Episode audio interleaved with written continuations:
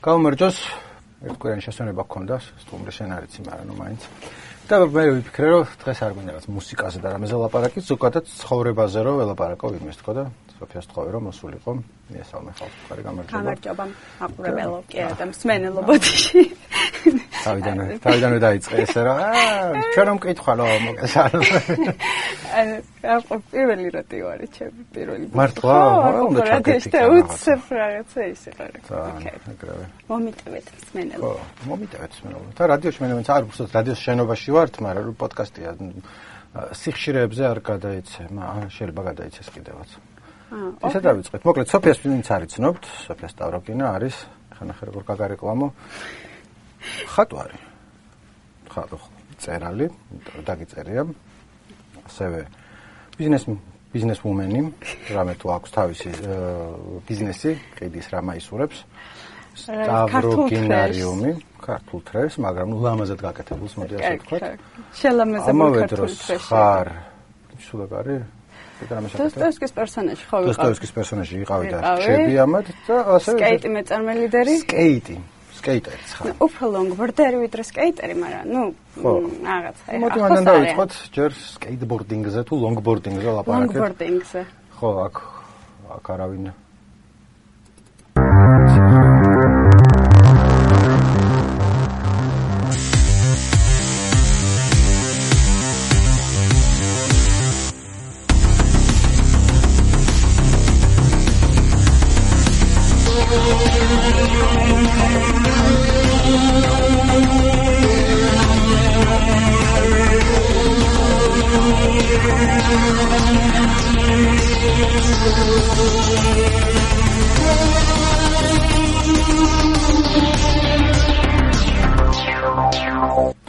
ასე კატების მოყარული, სცენარების მოყარული და რა ვიცი, ოფიციანტად არ გიმუშავია. პროფესიონალი პროკრასტინატორი. ტინატორი. ხო.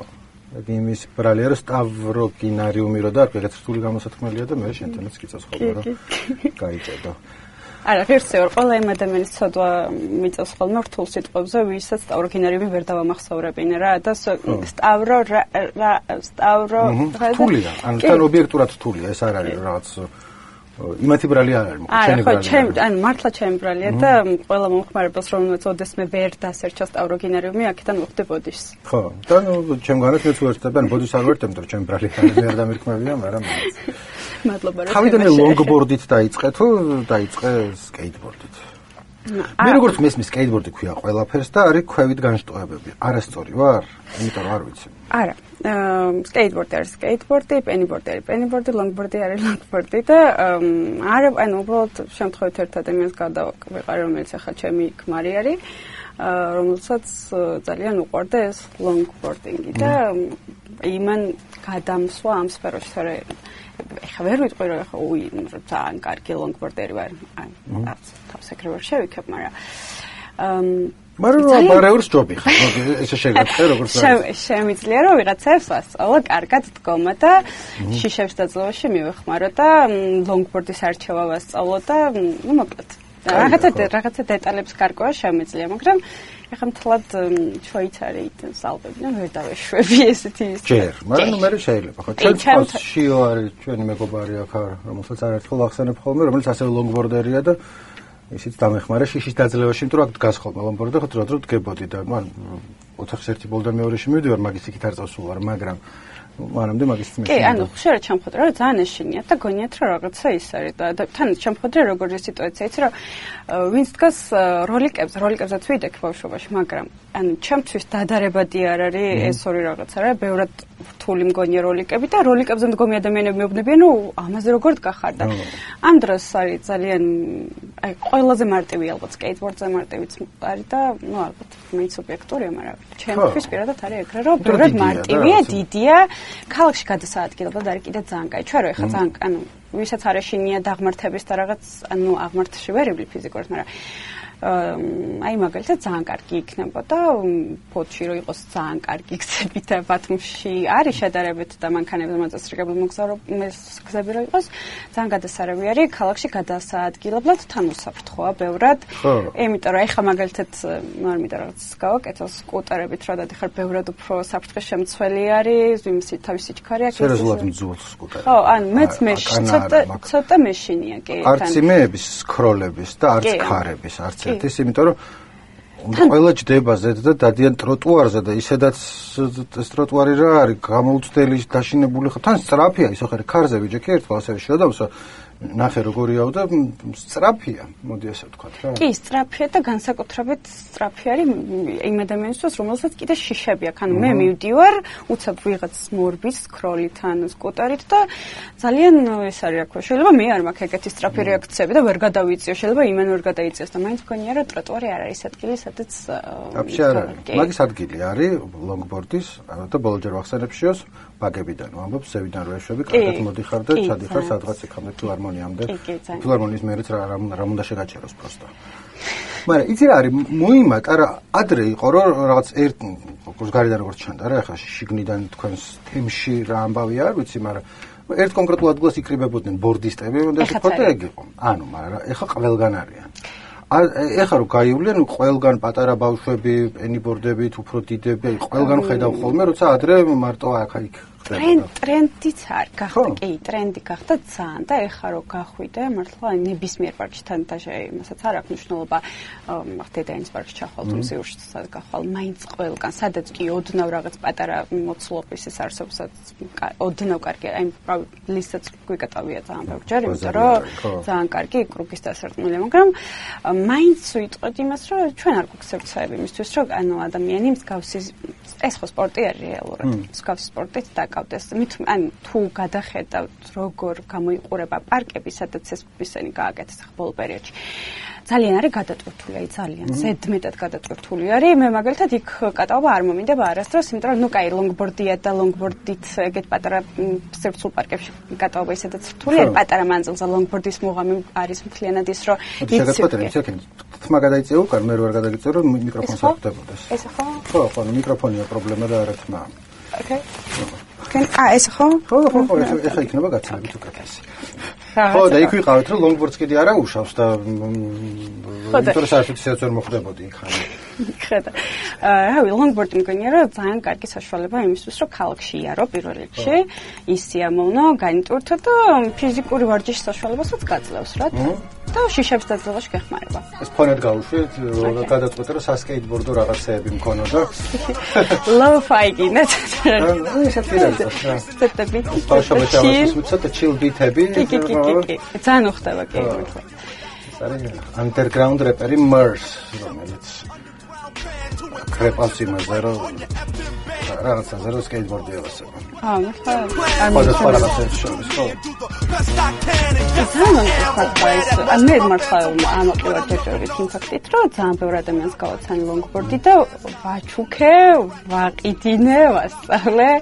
აი, ჩვენ სახს სამოთარცო ცოდი ქუჩა არის და აი და შემანდაც ვაკატებ ხოლმე და შეიძლება პატარა ბავშვები და დიდი ადამიანები და აქტივისტი ყოფილ ხარ ყველაფერთან ერთად. ახლა ცოტა ხანი ამას ამოწოდა მე მოვუბრუნდეთ მასთან My team come through, man, take it how you feel it on the real, it's on you. I'm damned if I do it, damned if I don't, but I got it in my heart, so I'll be damned if I won't. Make my dreams come true, my team come through, man, take it how you feel it on the real, it's on you. Man. Motherfuckers always be coming up to me, you know, asking me I don't take no rhymes for the struggle or no conscious ასე ღერის მიმართ მაგ რაღაცნაირი კამერა მოვსმე. ან თვითონ მე ძალიან კარგი და რაღაცა კი არ არის, მაგრამ არა, არც მე არ მაქვს ხოლმე, მე ერთადერთ სახში ესეთ მუსიკას უსმენ რაღაცა. მარტივს შედარებით რაღაცა. ბევრი ის მუსიკა. მოკლედ, ამერიკაში ვსწავლობდი ერთხელ მე და ჩემი მეგობრის მეგობარი, პატარა შავკანიანი ბიჭი, თაინი, პატარა ტანით იყო, მომცრო. მოვიდეთ რაც მთელი ღამე სმის რაღაცის მერე და გზაში გამომიწყდა და ისე კარგად არ ვიცნობდი რა რომ ეს სიმღერა ჩართო ეს ჩემ ცხოვრების სიმღერა რაღაცაა. და მეთქი რა ყვინით თქო მე უსმენდი და ეს ტიპი რეპას რომ damn if I do it damn if I don't რაღაცა ვიცი რომ თეთრ თეთრკანიანი ყავდა მეგობრები და როგორც ჩანს ცოტა მაღაზეთთან მეგობრები იყვნენ კლასელები ბავშვობის და თან ცოტა გამოდიოდა რომ მარტო თეთრებთან მოძრაობს და ეგუტყდებოდა და სიმღერის მაღაზია ერთგვარად ლაპარაკი და დღეს გამახსენდა ეგ და მეთქი მეკითხა მეთქი ბარ მაშინ ნაკლებად კომუნიკაბელური ვიყავი ხო კი შორის ის არის რა ქვია რასაც ვაკურდები ტენდენციებს აი თუნდაც YouTube-ზე და ხშირად გვიწევს ხოლმე მაგას ლაპარაკი. მეგობრებს რომ აი ამერიკაში რასიზმი არის პირუკოც რა ანუ როგორც აი თვითონ შავკანიანებსაც რაღაც არ მისწონთ თეთრკანიანები და ანუ აი აკაკრაზე გატყდომის მომენტიც ძალიან ანუ შეიძლება უბრალოდ მარტო იმიტომ რაღაც გაგაცრონ ინტერნეტში სახე რომ თეთრკანიანი ხო ეგ არის ხო. მე მაგაზე კიდე წამიკითხავს რომ აი აქტივისტები ასე აფასებენ რომ რასიზმიო ეგრე ვერ იქნებაო პირიქო იმიტომ რომ რაღაცა მიზეზის გამო და მაგისი არ მჯერა იმიტომ რომ თუ სხვა სკანის ფერის მიხედვით აფასებ. არა ეგ უბრალოდ ხარ ასეც და ისეც თუ გინდა რასიზმი დაარქვი და თუ გინდა არ დაარქვი ამ კი ანუ მანდ ვარ მეც უბრალოდ აი ცოტა რაღაც ისე არის რომ პირუკუც გინ არ გინდა გამოდის რა რა მნიშვნელობა აქვს? ის იყო ამას წინათ გაიყიდა ამას ჩარშან ჩარშან წინ იყო ტუპაკის წერილები ვიღაცას. ტუპაკი და მადონა მოძრაობდნენ ერთად და ტუპაკი დაშორდა. მე რასობრივ ნიადაგზე იმიტომ რომ ვერ გამიგებენო ჩემი ფანებიო შენთან კი ბატონო კი ბატონო ეგ ეგ ეგ იყო და მინა მაგიტო თორე ხომ მადონა არ მევასებოდა ძალიან ბევრი მიზეზი შეიძლება იყოს რის გამო შეიძლება დაშორდა. ეგ ყველაზე არასწორი მიზეზია. კი ანუ მეც ანუ ძალიან ძალიან გამწდებოდა მათონას ადგილას, იმიტომ რომ რაღაც რავი ფე კანის ფერი არის. როგორი ლოგიკოც არის რომ შენ არ მოგწონს რაღაც. არ ვიცი, იმით. მაგრამ მე როგორი ხოლმე ვზოლაპარაკობ, აი ძალიან. ეგ ურთიერთობა თან როგორი ის არის მადონას პრედან. მადონას რო განვიხილო, ხო просто როგორც გაცხარ უყურებდნენ თან ცოტა ის არის სამეფო ტიპები რო არიან, აი ქორწინებას რო თან სტრატეგიულად რო განიხილა. ანუ ხა მაგათთან არ ყოფილვარ დეიტზე ერთად და არ ვიცი ზუსტად რა პონჩი იყვნენ, მაგრამ მადონა ისეთი ტიპია, რაც მე ვიცი მის შესახებ, რომ თulis რაღაცეებს და ცოტა როგორც ბიზნესს უყურებს თავის ცხოვრებას და მაგისტოთ ალბათ მნიშვნელოვანი იყო, რომ სწორედ თუპაკ შაკურთან ერთად იყო და არა პროსტო თქვათ იმავე გარეგნობის და ხასიათის ტიპთან, რომელიც არ იქნებოდა თუპაკ შაკური. ა? აა ის არის ხო შეიძლება ალმოდოვარის წინ წავიკითხე რაღაც წერილები და კაკრას მადონას რაღაც მაგ მხარეზე იყო რაღაც ეს ალენ რა ქვია ანტონიო ბანდერასის შეთრევა რომ უნდა და თავის სივრცეში რაღაცნაირად დაკეთებდა და ეს ცოტა შოკირებული რო იყო პედრო ალმოდოვარი რაღაც და არ ვიცი შეიძლება აქვს რაღაცა ეგ ხასიათი კონკრეტულად მართლა არ ვიცი. ხო ვინც ახლოს იყო ყველა ლანძღავს ხოლმე ადრე მაგ როლინგ სტოუნში იყო ხო და კაი სტატია იყო გრძელად სამ ნომერში ქვეყნდებოდა MTV-ის ისტორიაზე როგორ დაარსდა და რაღაცა.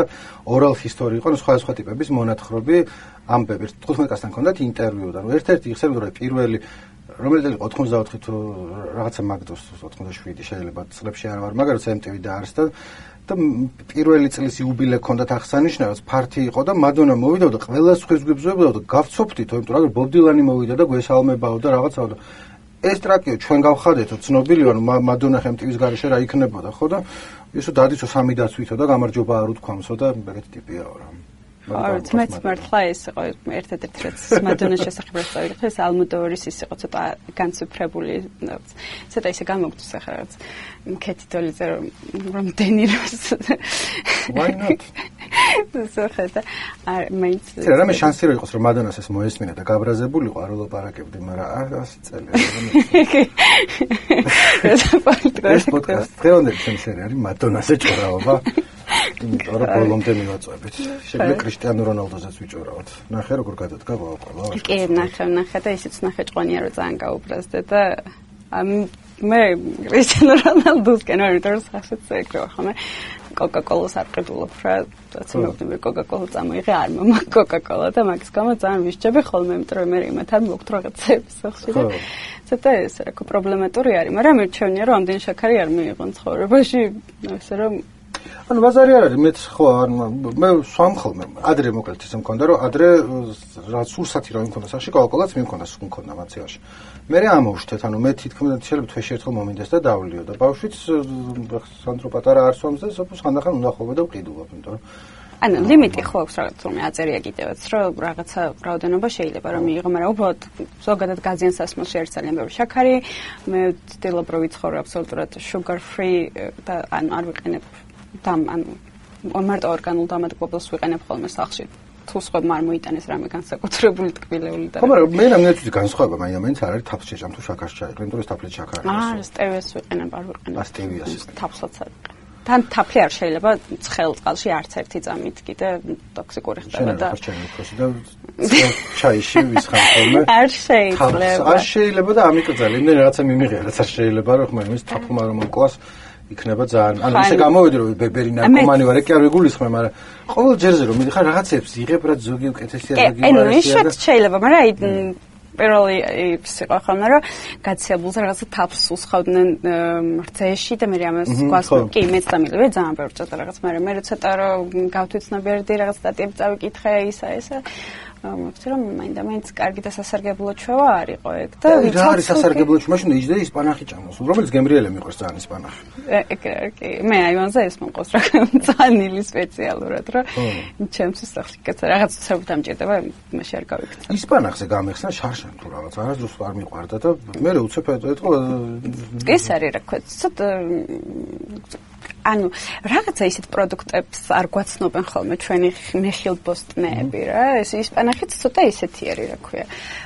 იშვიათი. ეხლა მაგალითად ჩემი უბნის მაღაზიაში რო გავიარო არ იქნება ის როგორც ისე არ არის კი აი ძალიან. რაღაც რაღაც კონკრეტული რაღაცების შოვნა ძალიან ჭერს ხოლმე ჩვენთან აი ძალიან.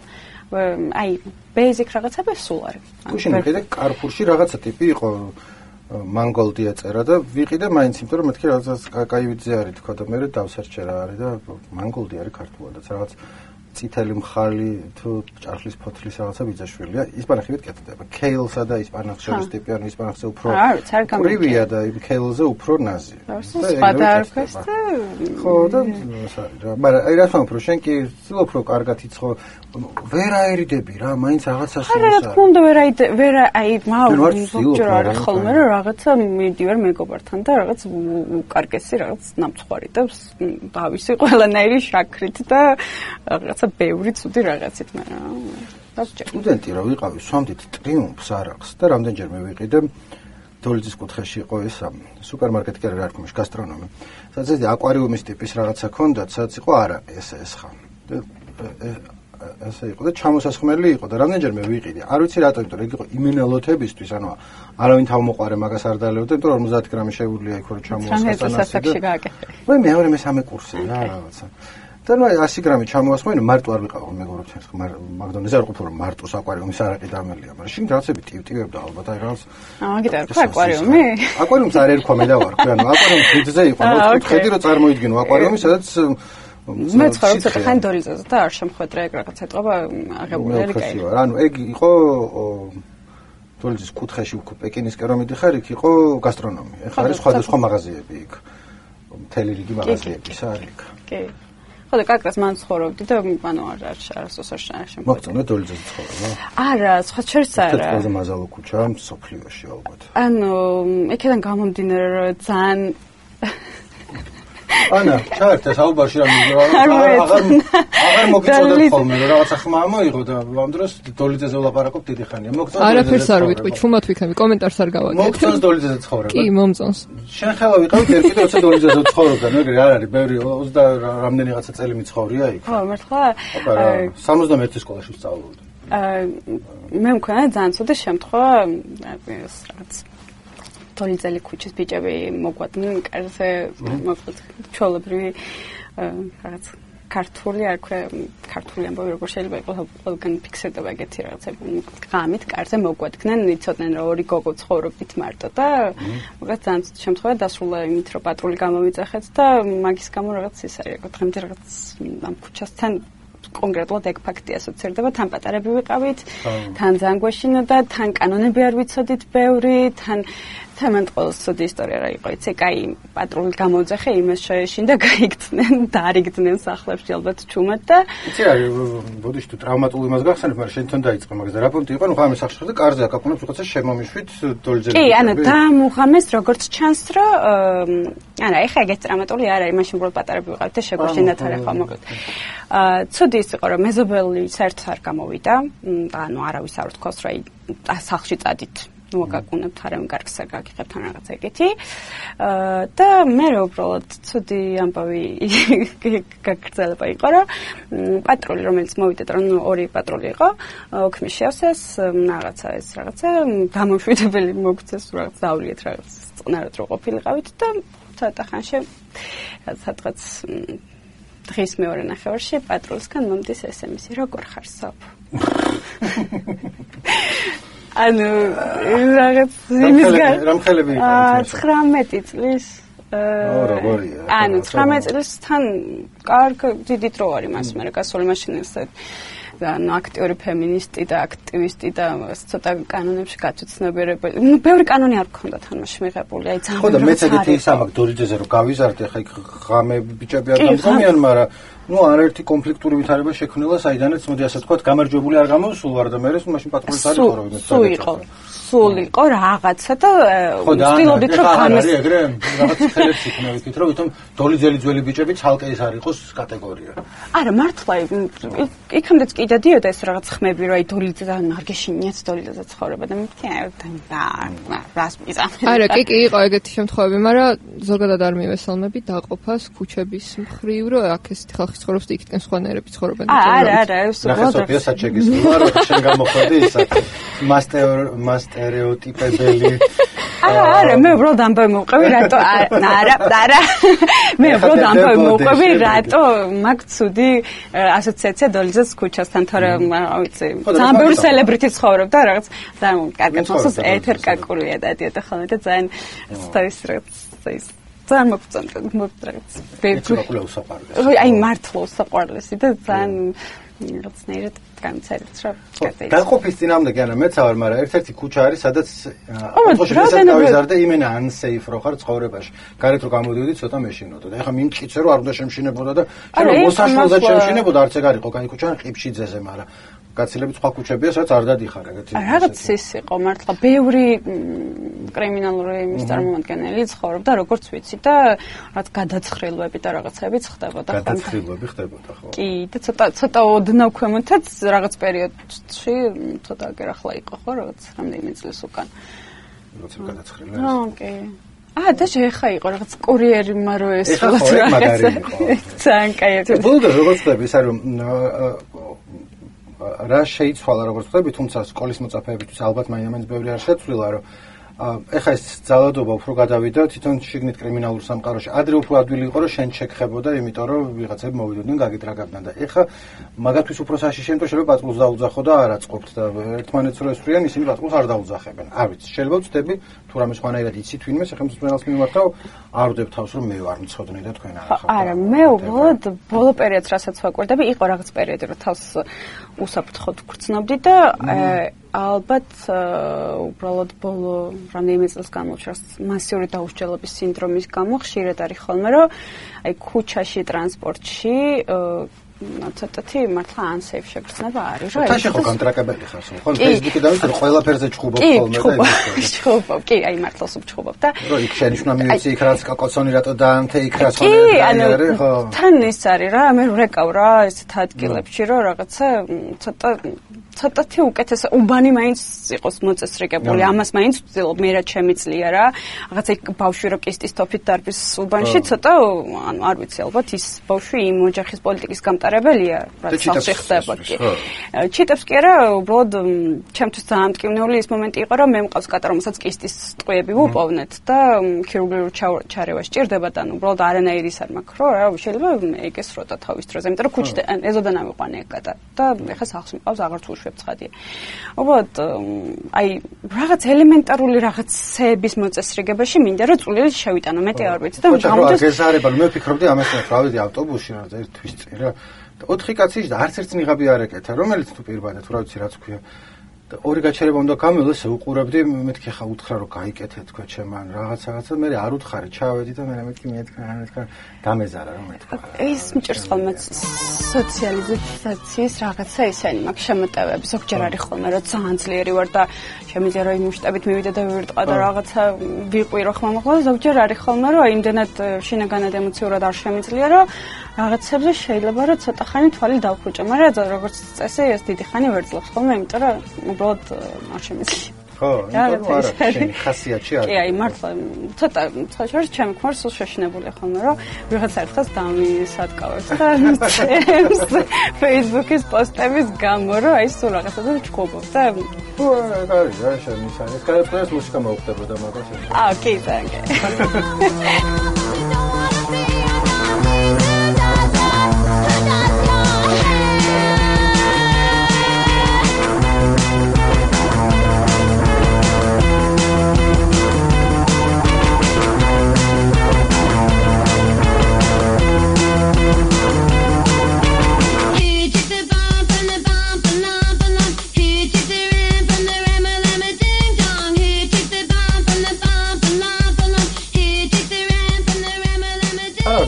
ვარ რამეს მღერის ან ხო რა სიტყვა ვერ გავიგე მაგრამ განწყობა ხომ მოდის რომ აი კი ეს არის და და ისე გაი არის კი ეს ეს არის რა ქვია მე რო აივანზე რო გადავდგები და მეზობელს რო ვუყვირი რო ცეცხლ ჩააქრა და ამ დროს ეს ისმის ბოლა ხომ ეს რა. ფემინისტური პანკი ლეტიგრ არ ვიცი როგორ გამოიწმი შეიძლება ლეტიგრ არ არ გამიგი არასდროს გამოთქმული მარტო მარტო დაწერილი წამიკითხავს და მეტი არც არაფერი როგორ მიდის პანდემიაში შენი მაისურების გაყიდვის საქმე? უკეთესად, უარესად თუ რა?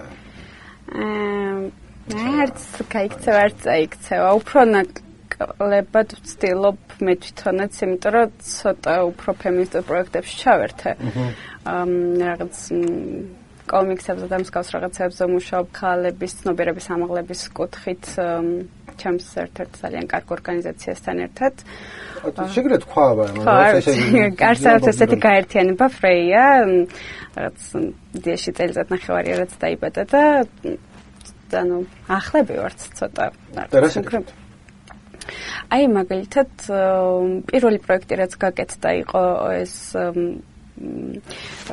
რაღაც სამხსახურებრივ ადგილას როგორ გასაუბრებებზე ან ზოგადად სამსახურში რა დისკრიმინაციული კითხვებით ან ქცევებით გამოირჩევიან ან სხვა ადამიანები ხალი დასაქმებულების მიმართ ან გასაუბრებაზე რომ აი მარტი მაგალითი რომ მოვიყვანოთ რომ აი ბავშვები ხო ყავთ ან ბავშვს გაჩენა სხვა რა ან რაღაც ძალიან დისკრიმინაციული რასაც კაცს არ კითხავდნენ მაგალითად რაღაც ეხებოდა ამ კონკრეტულ საკითხებს ანუ მაგას შეისწავლეთ ასე რომ შეისწავლეთ რომ სვამენ და მე რა თუ ადო რაღაც რჩევებიც არის რომ ამ დროს ესე უნდა მოიქცე. მაგ კონკრეტულ საკითხზე რედიძო კითხულობდი ერთი კვირის წინ რომ ამერიკაში კითხულობ რომ ბავშვის სკოლას აპირებ თუ არა და ყოველთვის უნდა თქვა რომ არ ვაპირებო, იმიტომ რომ მაგის მიხედვით შეიძლება დააგბლოკონ და მე თუ გააჩენით ყველა გადავიფიქრე ან რა ვიცი არ ვაპირებდი და ეხლა ეხლა ორ სულ ათავა. კი, მაგრამ არის რაღაც შეიძლება კომპანიამ თვითონ ჩაგიწერა თუ რაღაც ისე რომ რაღაცა მანძილის პერიოდში არ შეგიძლია მაგალითად დაურსულება, იმიტომ რომ მე აბორტს ამოძალებენ თუ რა? აა ხო, არ ვიცი, ხა ეგ კონკრეტულად არ ვიცი როგორ მიდის ხოლმე кейსები, მაგრამ ხო, მაგას კონტრაქტში ვერ ჩაგიწერენ, შეიძლება მაგის გამო გაგიშვენ და თქვა რომ მაგის გამო არაო, მაგრამ ეგ უკეთესია თუ კითხეს გასაუბრებაზე, იმიტომ რომ მე თუ დაურსულს და გაგიშვეს სამსახურიდან, მე სასამართლოში მიდიხარ და თქვი რომ მითხეს.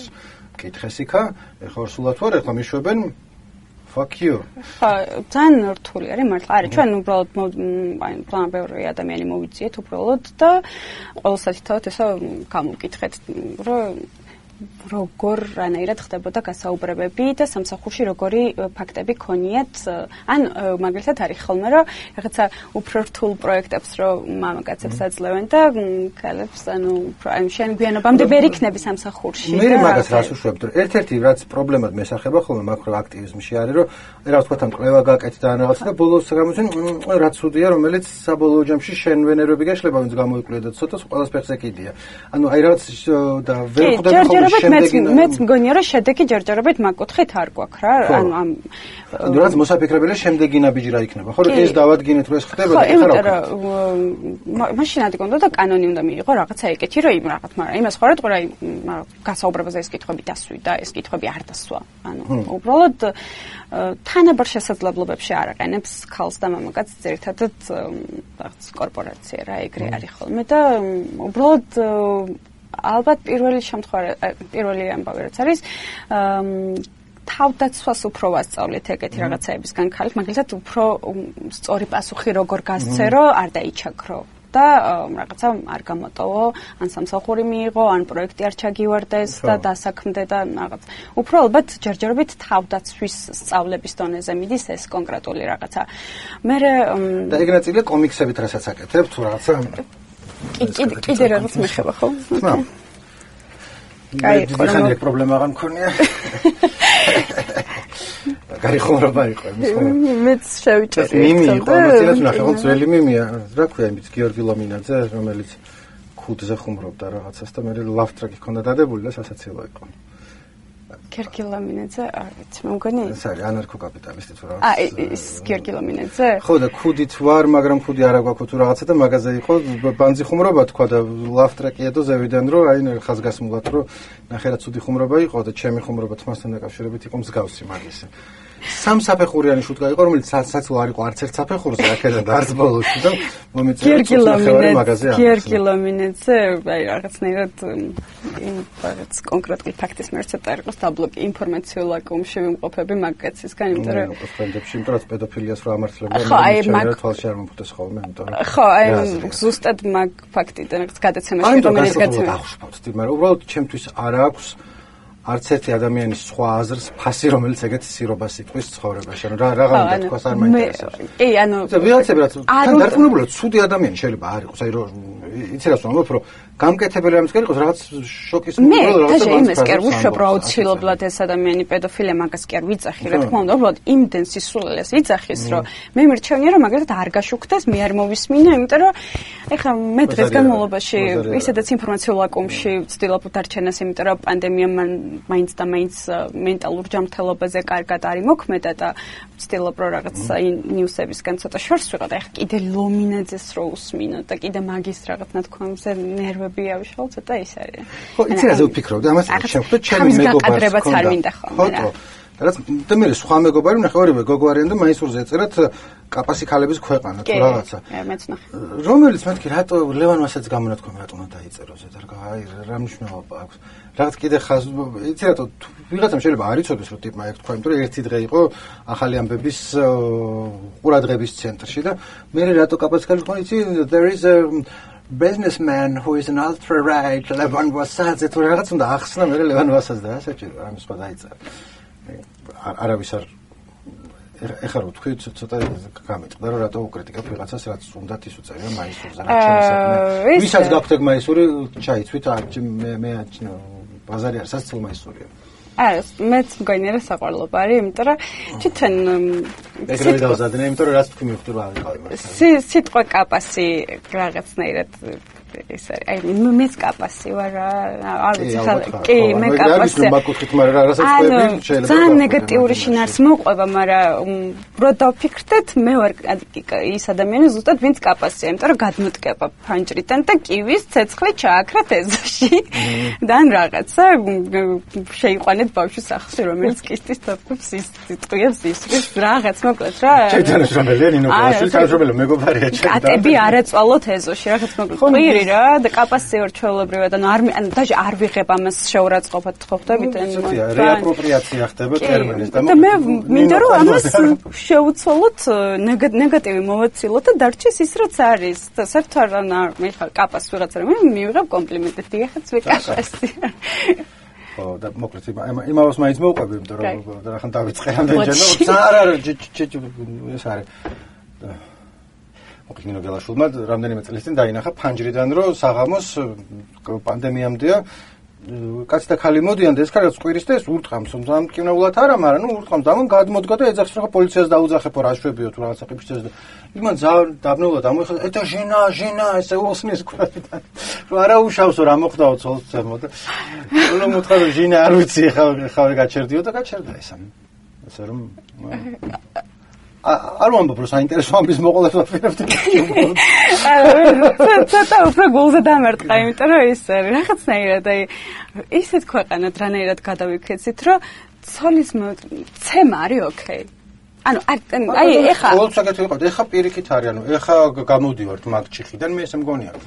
რომელიც ბევრი სხვა ფაქტისთვის დამსახურება. პასუხი ხო, გაგც ანუ იყო ეგეთი რომ ეტაჟენა.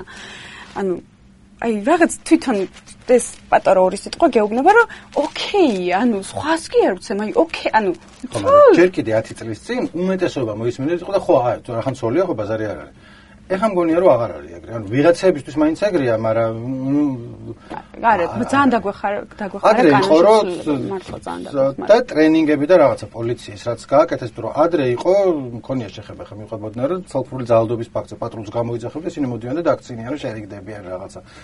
ეხა მით უმეტეს რა თვეში ერთხელ რო ქმარიცოლს კლავდა, ეხაც ხდა არის ხოლმე მსგავსი შემთხვევები დაატრენინგეს ვიღაცები ვინც მოდიან და მოკლედ აღარ დაქცინიან.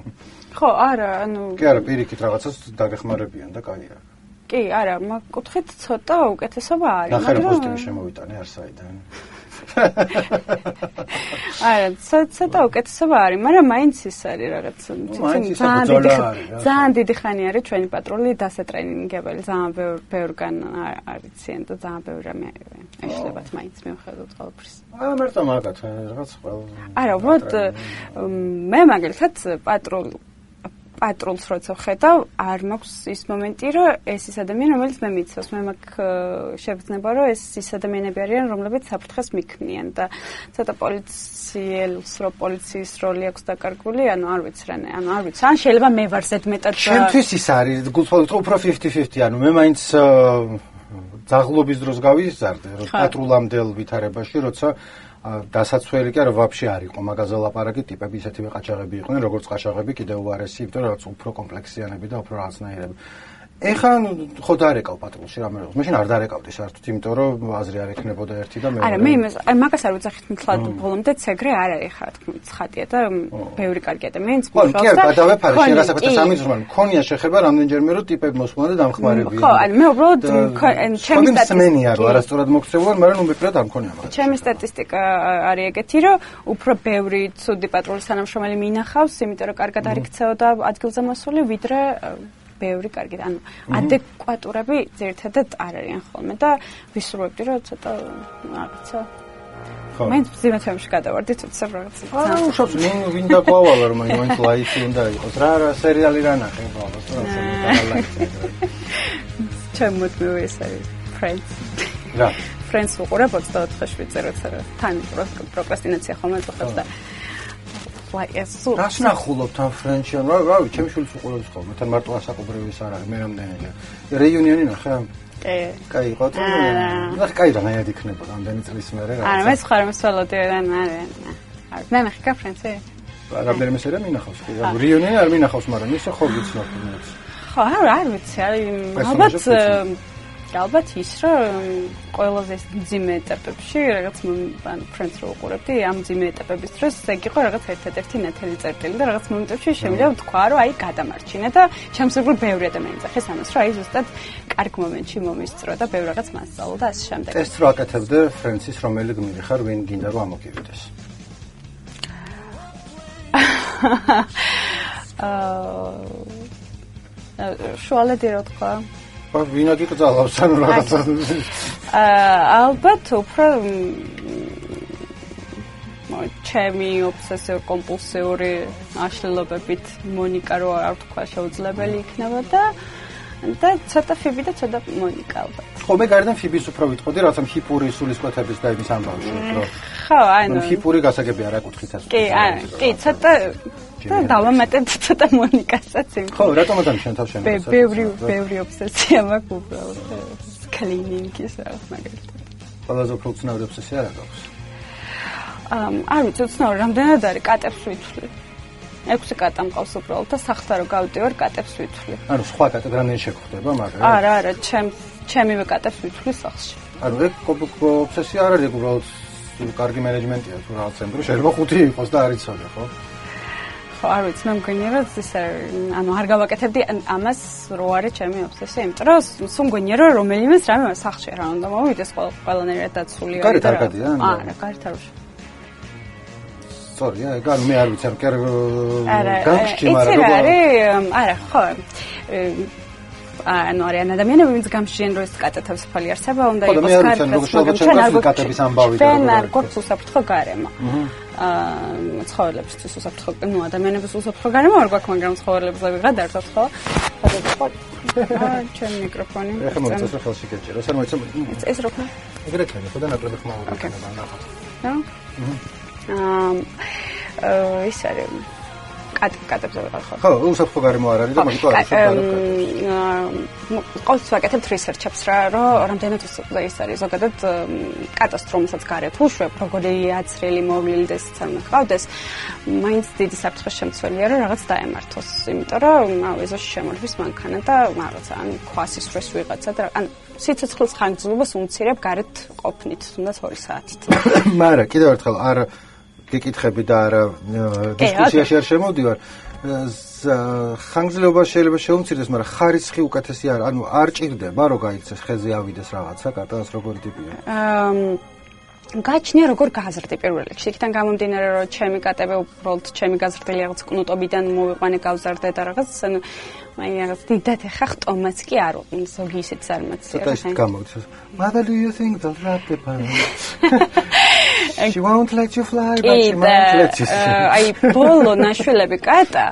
ამ დროს არის აბსოლუტურ ველური შეუძლია რომ კედელზე ციაროს ჩაულებრივად აი მაგასაც ახერხებს. მიუხედავად იმისა რომ კატაა და წესით კედელზე ვერ უნდა დატიოდეს. ნუ რაღაცნაირად აკეთებს მაგას მაგას თან რაღაც ვცდილობთ რომ ისეთი გარემო შევუქმნათ რომ კონდეს რაღაც ეს ველური ეს მცენარეები ეს გამული რაღაცეები ცოტა ოკეი თავიდან დავიწყოთ. ულისე ვერალინი აა შემდეგ ფოიდის სიმღერის ხათრით თუ რა? კი. ფოიდის სიმღერა რომელიც ყველაზე მეტად მიყვარს. მეც ვოლში ყველაზე უფრო ეგ სიმღერა მიყვარს. სხვა სხვა პერიოდები მქონია, მაგრამ ერთი პერიოდი ეგ მომწონდა ყველაზე უფრო და მე რე სულ ფიქრობდი ასე დავსერჩა და გავიგე სხვა ერალი. კი, ხო, მთელი ევა მ ჩემ ერთ-ერთი ძალიან ძალიან ახლო მეგობარი გავიცანი მოვას პინკ ფლოიდი არ ქნა მოსმენილი რა კვანცა ჰაი. ხო და ეს იყო თავიდან დავიწყეთ Pink Floyd-ის მოსმენა რა და იმ მთელი რაღაც დიდებულებით შევაქრძნობინ ესე მგონია და პერიოდი იყო რომ კონცერტი ჩემს ახლა რო გადიოდა ეზოდან ყვირო და შუაღამისას ვერას რა ხმა ვირა როგორც პროჯერი ყვირის ხოლმე იმ სეპარაში და აა შემთხვევით იყო კატა მანქანამ დაარტყა ბერალინს. და სახში რომ ავიყვანეთ, რა თქმა უნდა, დესპინ უნდა იყოს და ვერალინი უნდა იყოს და ესე დაერქვა ვერალინი. ოტერში სატანა აღარ მაქვს ბოლო დროს. კი, კი, კი, ხა.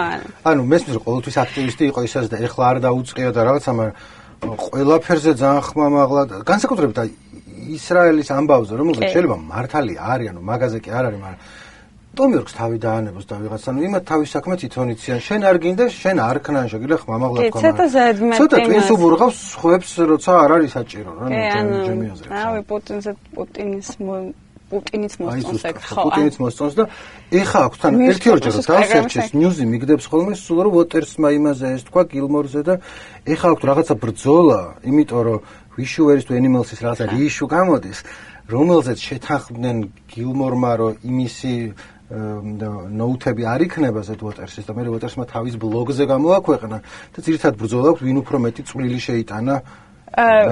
მე ის არის რა ქვია ზოგადად მირჩევნი ხოლმე რომ ავტორი და ნაწარმოები გამიჩნდა და ისე მიყვარდეს მუსიკა და მართლა ფილმი რო გააკეთა ბოლოს როჯერმა ძალიან ძალიან აი ბევრი ვიტირე მართლა ვიზუალზე ხმაზეც ყველაფერზე აბსოლუტურად და მართლა შთამბეჭდავი იყო. მაგრამ არ ვიცი შეიძლება დავაბრალოთ იმას რომ ძალიან ტრამბული ბავშვობა ქონდა. მე რაღაც ეს წავიდეთ მის პოლიტიკა მუსიკაში მე რაღაც თან ის ფაქტია არავის სრულყოფილი არა ვარ და ის თავისას ატრაკებს ხებს რაღაც თავისანთი ის აქვს. ანუ უბრალოდ ისე რა ხან მადონაზე უჭერავდით არ მინდოდა რომ ვოტერსი გაუჭერულად გამეშვა.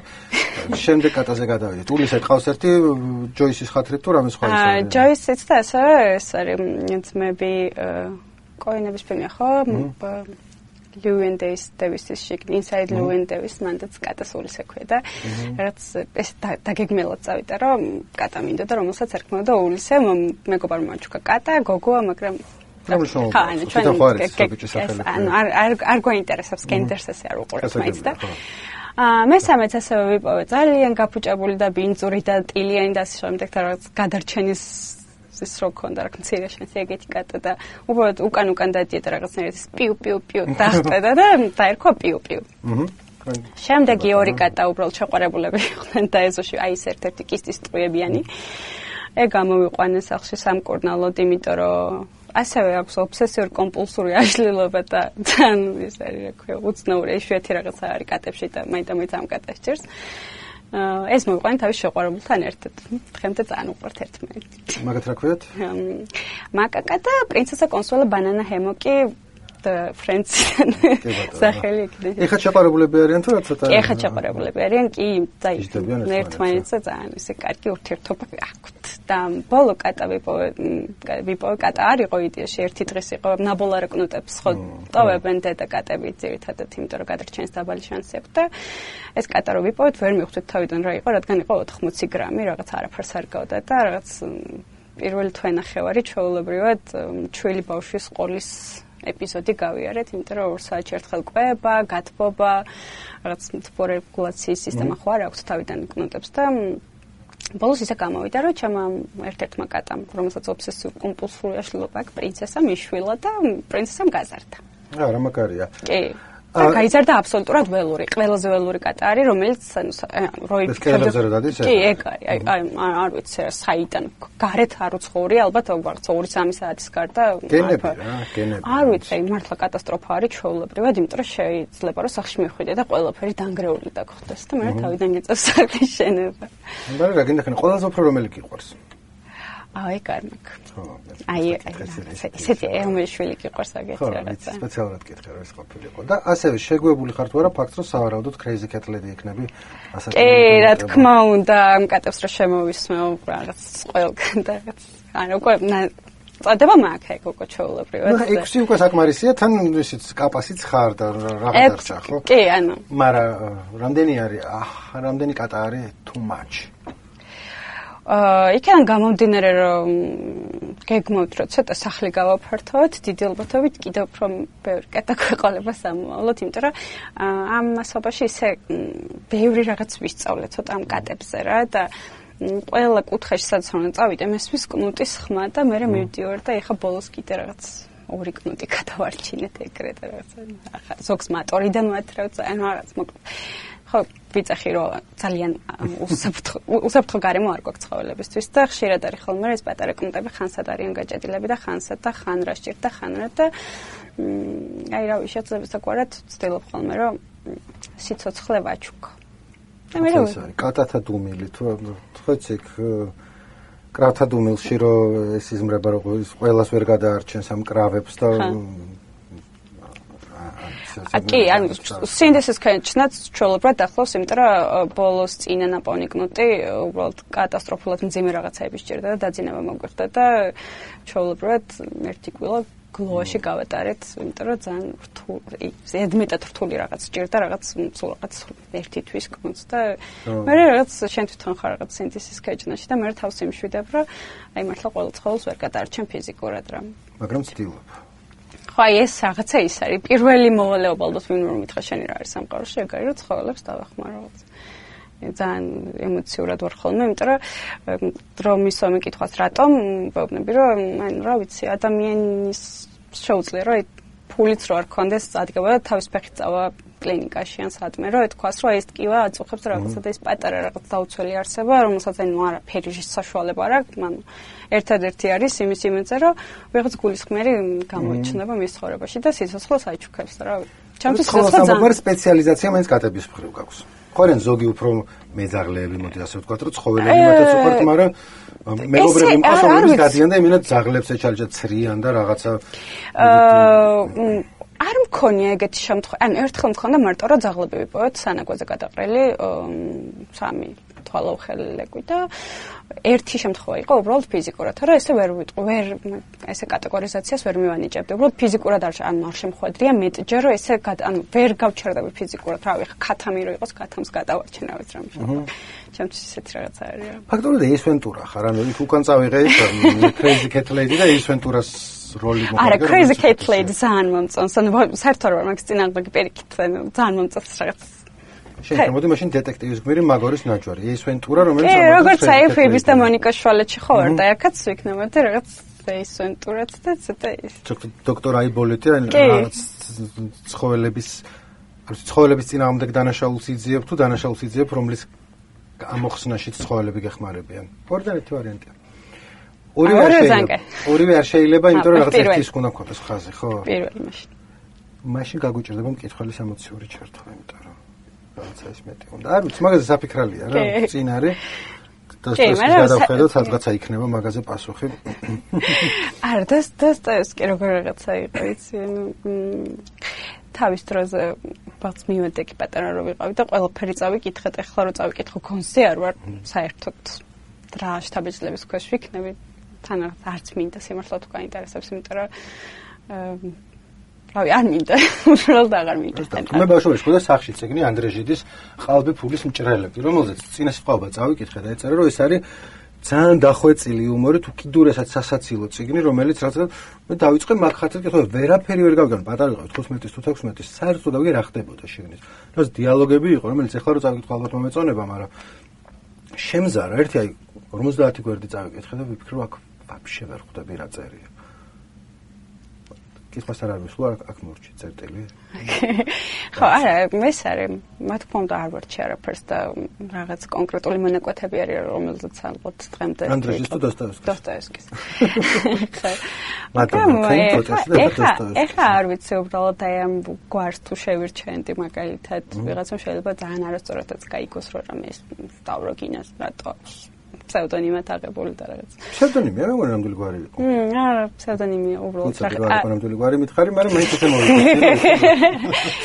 აა, გამხელეთ, ცოტა გამხელილის ჯობს. ცოტა გამხელილის ჯობს. ან ეს არის რაღაც ის იყო, თინეიჯერი, რაღაც ის რომ მინდოდა გადაკარგვა ბევრი ადამიანისგან და მინდოდა რომ ვერავის არავის არ მოვეძებნე და კაკრას უბრალოდ მაგ პერიოდში ვკითხულობ და ეს რამე რამე გვარი ანუ არაფერი ფილოსოფია არ ატევს უბრალოდ აი ამ კონკრეტულ ამბავს რომ სტავროკინა რატო ვარ. და რაღაც უბრალოდ კითხულობდი მაგ ეპიზოდში ეშმაკს და კი ლამაზად მოდი ავიღოთ ეს რა ხო მაინდა მე სტავროგინთან ჩემი გაიგივება არ არის საჭირო მადლობა. და რაც მომენტში არა გაქვს ისა რომ ცოტა ძალიან შემეზარდა ეს გვარი და რამე სხვა სხვა და კი ეხა ნახე რა ხდება იმდენად ანუ სახელს არ მეწახიან ხო. კი, ანუ ეს სტავროგინა რო ხარ სახელს ხარ დაგიძახებ, სტავროგინა ხარ მე და კი და რაღაცა მე ეს ბრენდი რო გაკეთდა და სტავროგინა რო მე დაერქვა მაშინ ეს რა რას გააკეთებ ხა სხვა რაღაც დაერქვა და მე რო ბრენდ სახელს გადაარქვა და რაღაცა და ეს ჩალიჩი ცოტა დამეზარა და კი ფაქტ. ხო, რა პარე მარე. არის ხო. მე ცადე რომ ნიკო ენერგი დაეძახა ჩემთვის NRG და არავინ არ დამიძახა. ასე ასე სტუდიონი ამბავი არის. ყოველს ეუბნებოდა, არავის არ ეუბნებოდა. ეხლა მოვიფიქრე, მაგრამ ნუ მომეწონეთ თან ამბავი, რომ ცადერ ნიკო ენერჯი ყოფილიყავი და ჩემ ხა. ხო, არა, ეს იმდანაც შეზრდილია, რომ აი შეიძლება სხვა სახელი რო დავერქვე უფრო და ის დამინდა ხო, ის არ დამინდა ხო, ანუ სოფიას უფრო ანუ ანუ სოფიაზე არის ყოლები. კი. აა სოფიას გადაიჩვევიან, აი მიმოდის სტავროგინა მოდის. ვისთან ხარ სტავროგინასთან ვარ. რაღაც ეგრე არის 65-ის რო იქნება 10 კატასტროფად რომ მოდიხარ. და სტავროგინა მოდის სტავროგინა რო უცნაური ის არის. ხო ან რაღაცა ის არის. თან ხა ჩვენთან მაინც ხო ეს რუსოფობია ხო ძალიან ისეთი აქტიური არის რა. და თან ცოტა მაგიშიშიც მქონდა რაღაც მომენტში რომ მეთქი თან ხო ეს ამბავი იქამდე მოხდა რაღაც 2008 წელს ომამდე შერქმეული და შერჩენილი არის და ის არის. ეხლა აღარ დაიქმნები ხო რუსულ ვარს მაინც? ხო ალბათ იმიტომ რომ რაღაც ის არის. რუსული არა უკრაინულია რაღაც ეგეც ძირი აი ისე რომ მაგას იტყოდი და ჩვენ უკრაინელი სტავროგინები ვარ არა მე რაღაც ის ჩავეცი რომ მეთქი ანუ იქნება და რამე არსებობს და ოკეი არ არის რუსული უკრაინელი სტავროგინები ვარ ჟივა უკრაინა თვარ უკრაინული მაგრამ რაღაცები უნდა წარმოიძახო ხო და ну მაინც არ არის საჭირო რომ აუცილებლად რუსეთთან გავიგიბდე მაგრამ ვის გინდა რომ დააბრალო საკუთართან შეიძლება და იმას კითხულობდა რაღაც სხვა წიგს და უცებ აღმოჩნდებოდა რომ კი ანუ აი მართლა შემთხვევითობის ბრალი არის და არაფერ შუაში არ არის არც დოსტოევსკი არც რაღაც ჩემი სიმპათიები პუტინი არ მომწონს ხალხო არ რა რა მეც ბოლო დროს ვერ ვკაიფობ მაგკაცზე. აი რაღაცა ამიცრუდა გული ვლადიმერ ვლადიმერიძეზე. ბოლო აი ალბათ რაღაცა არის. რაღაცა არ ვეღარ მოაქ. აღარ ვცემ ისეთ პატივს როგორც მანამდე. არ ვიცი რატო, რამ რამ იქნა, მაგრამ ისე ყველანაირად აღრთოვანებული ვიყავი. ყველას ვყვები ხოლმე ერთხელ დამესის რა რამდენიმე წლის წინ. სან სასაცილო ვიდეოები აქვს ფოტოში. რაღაც რაღაც ვიდეოები. არ ვიცი, აი პუტინის ტიკტოკები უნდა იყოს და იქნებოდა. ანუ რაღაცაი რაღაც უცნაურ რაღაცებში ყავთ დაჭერილი და ეს რაღაც ჩაისროსოს რაღაც ვიღაც ტიპთან თმას რო ივარცხნის რაღაც ან ძალიან ბევრ რაღაც ისეთ პატარა რაღაცები მოგნა ნახე სასაცილო კაცი არის მართლა რატო ხარ ფოტონის ფანი რატო ის ყველაზე უფრო რენდომ ვიდეოები ანუ ეს არის მე ხოთ ის არის რაღაც ტრეშს ვაკეთებდი დიდი ხანი და მეც მიჩვეული ვარ რაღაცა ისეთზე უნდა წამიცდეს თვალი და ყური რაღაც აბსოლუტურად. მე ყოველთვის ვყავი ჩემს კრინჯ რაღაცებს რომელიც 4 წლის წინ ნახევთ ოჯახით ვიყავით ბორჯომში და დილას დამესიზვრა რომ მოსკოვში არ ჩასული პუტინთან ინტერვიუზე. და რაღაცა корпуსში შევხვდით ერთმანეთს და ბინაში ავედი თუ რა რაღაცა და იქ корпуსის ბინაში მქონდა ინტერვიუს მელაპარაკებოდა მე რაღაცებს გრუზავდა და ის ყველაფერზე ძალიან კაი პასუხს მცემდა და ბოლოში მივხვდი ლაპარაკის ბოლოს რომ პუტინი არის მართალი. სიზმარ შეგრემეს ისმრება რა, რომ აი ყველაფერი რაც თქვა, მე რაც ქართული მხრიდან ვამბობ, მაგრამ ნუ კაი კაცია და რუსეთთვისაც კარგი უნდა და მაგრამ საქართველოსთვისაც კარგი უნდა და ჩავედი რომ ლუდი ამომეტანა, რომ მე და პუტინს დაგველია და ქვევით გამყიდველი იყო ქართველი. ფერუთან სიზმრებს უყვებიან ხოლმე, მაგრამ რელევანტური ამ შემთხვევაში. იმან ხარო პუტინთან მიგაკ მეთქი ხო და ცოტა დამეგრუზა, მაგრამ მეთქი შენ არიცი პუტინი კაი კაცია, ავიტანა იქ და გამეღვიძა მე და გამომყვა ეს გზნობა რომ პუტინი კაი კაცია, თვალები გავახილე და ვფიქრობ რომ ცობს რა ეტყვის ამას, იმიტომ რომ გავშორდება მაშინ და კარგია თუ მაგით დამთავრდება და ზალადობის ხვეპლი არ გავხდები უც აი 20 წუთის სიზმრის ის მქონდა რომ რაღაცა პუტინი მომწონდა. მე რა გამიარა კი, მე მქონია, მაგალითად სიზმრისგან რაღაც ეს რა, ერთი კვირა რო რაღაც არ ვიცი კონკრეტულად რა იყო, მაგრამ აი მთელი კვირა რაღაც იმ რაღაც სიზმრის განწყობაში ვიყავი და ცოტა ის მქონდა რა ქვია. მე 20 წუთი რო გამიფიქრე რა. ხო, 20 წუთი რო პატინი მოგწონს ცოტა. რატო? 20 წუთი პატინი შლიფი იყო გამოყოლილი აი მაგ ემოციის რო რაღაცა არ ვიცი რა არის რა და წავიდი თერაპევტთან მარტო მაგის გამო და პუტინზე ველაპარაკო. ანუ ჩემ ბრალი არ არის შენ წამოჭერებ პუტინის თემა და შენ გიყვარს. იჭა, კი, კი, ჩემ ჩვენ ერთგაზეები ყოველთვის პუტინის ძირ უნდა გიგე. წავსახში ხარ ამის წავიკითხავ და იქიდან ამოვიღებ გვარს, არ ვიცი. ეგ ეგეთი იდეაც ან არაფერი არ ეშველება ზუსტად ვიცი. აუ, უფრო გაიშტო სოფია შარიკოვა. ანა. აა, რუსულ ლიტერატურას შენ. არა, რუსულ ლიტერატურას არ წავიკითხო რამე. რაღაც. ერო პერუელ წელს შევხებიან სამხრეთ აფრიკას და მაინც გადაშლი რაღაცა რუსი ექსპორტი ხოლმე ვერ გაიცა ან ხერულ ნოტაზე დავასრულოთ ჩვენი საუბარი. კიდევ ერთხელ ცალსახად ვამბობ და ხაზგასმით რომ არა ვარ ჩვენ პუტინის ისეთი ფანები როგორც ჩვენ ვართ ანუ ამ კაცების თვისებები ცხადია რაღაცაები გვიყვარს მასში. რა რაღაცები არ ვიცი მაგრამ ნუ ცხენზე კი ზის კარგად.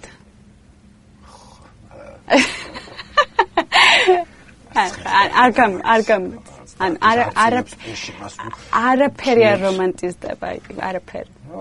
ანუ მე შევჯერდი იმაზე რომ სასაცილო არის. სასაცილოა. კი, სასაცილო. სახელო აქვს. ანუ კი, თან ის არის მე ინგლისურად ვლაპარაკობ, კიდე ეგ არის ძალიან სასაცილო ხოლმე. მე რაღაცა არ ვიცი. რატო რატო არ ეცა და ვერ მივხვდი? ცოტათი მაინც რო და აი ეხა აქცენტი არ დაცვინი ცხადია რა თქმა უნდა. მეტი საქმე არ აქვს მე ვაწყენიეთ დღეს მადონას. მადონას. როჯერ ვოტერს და პუტინს. ხსოვნას და პუტინს. ყველა ყო ტრები ყავს. აა. სოფია.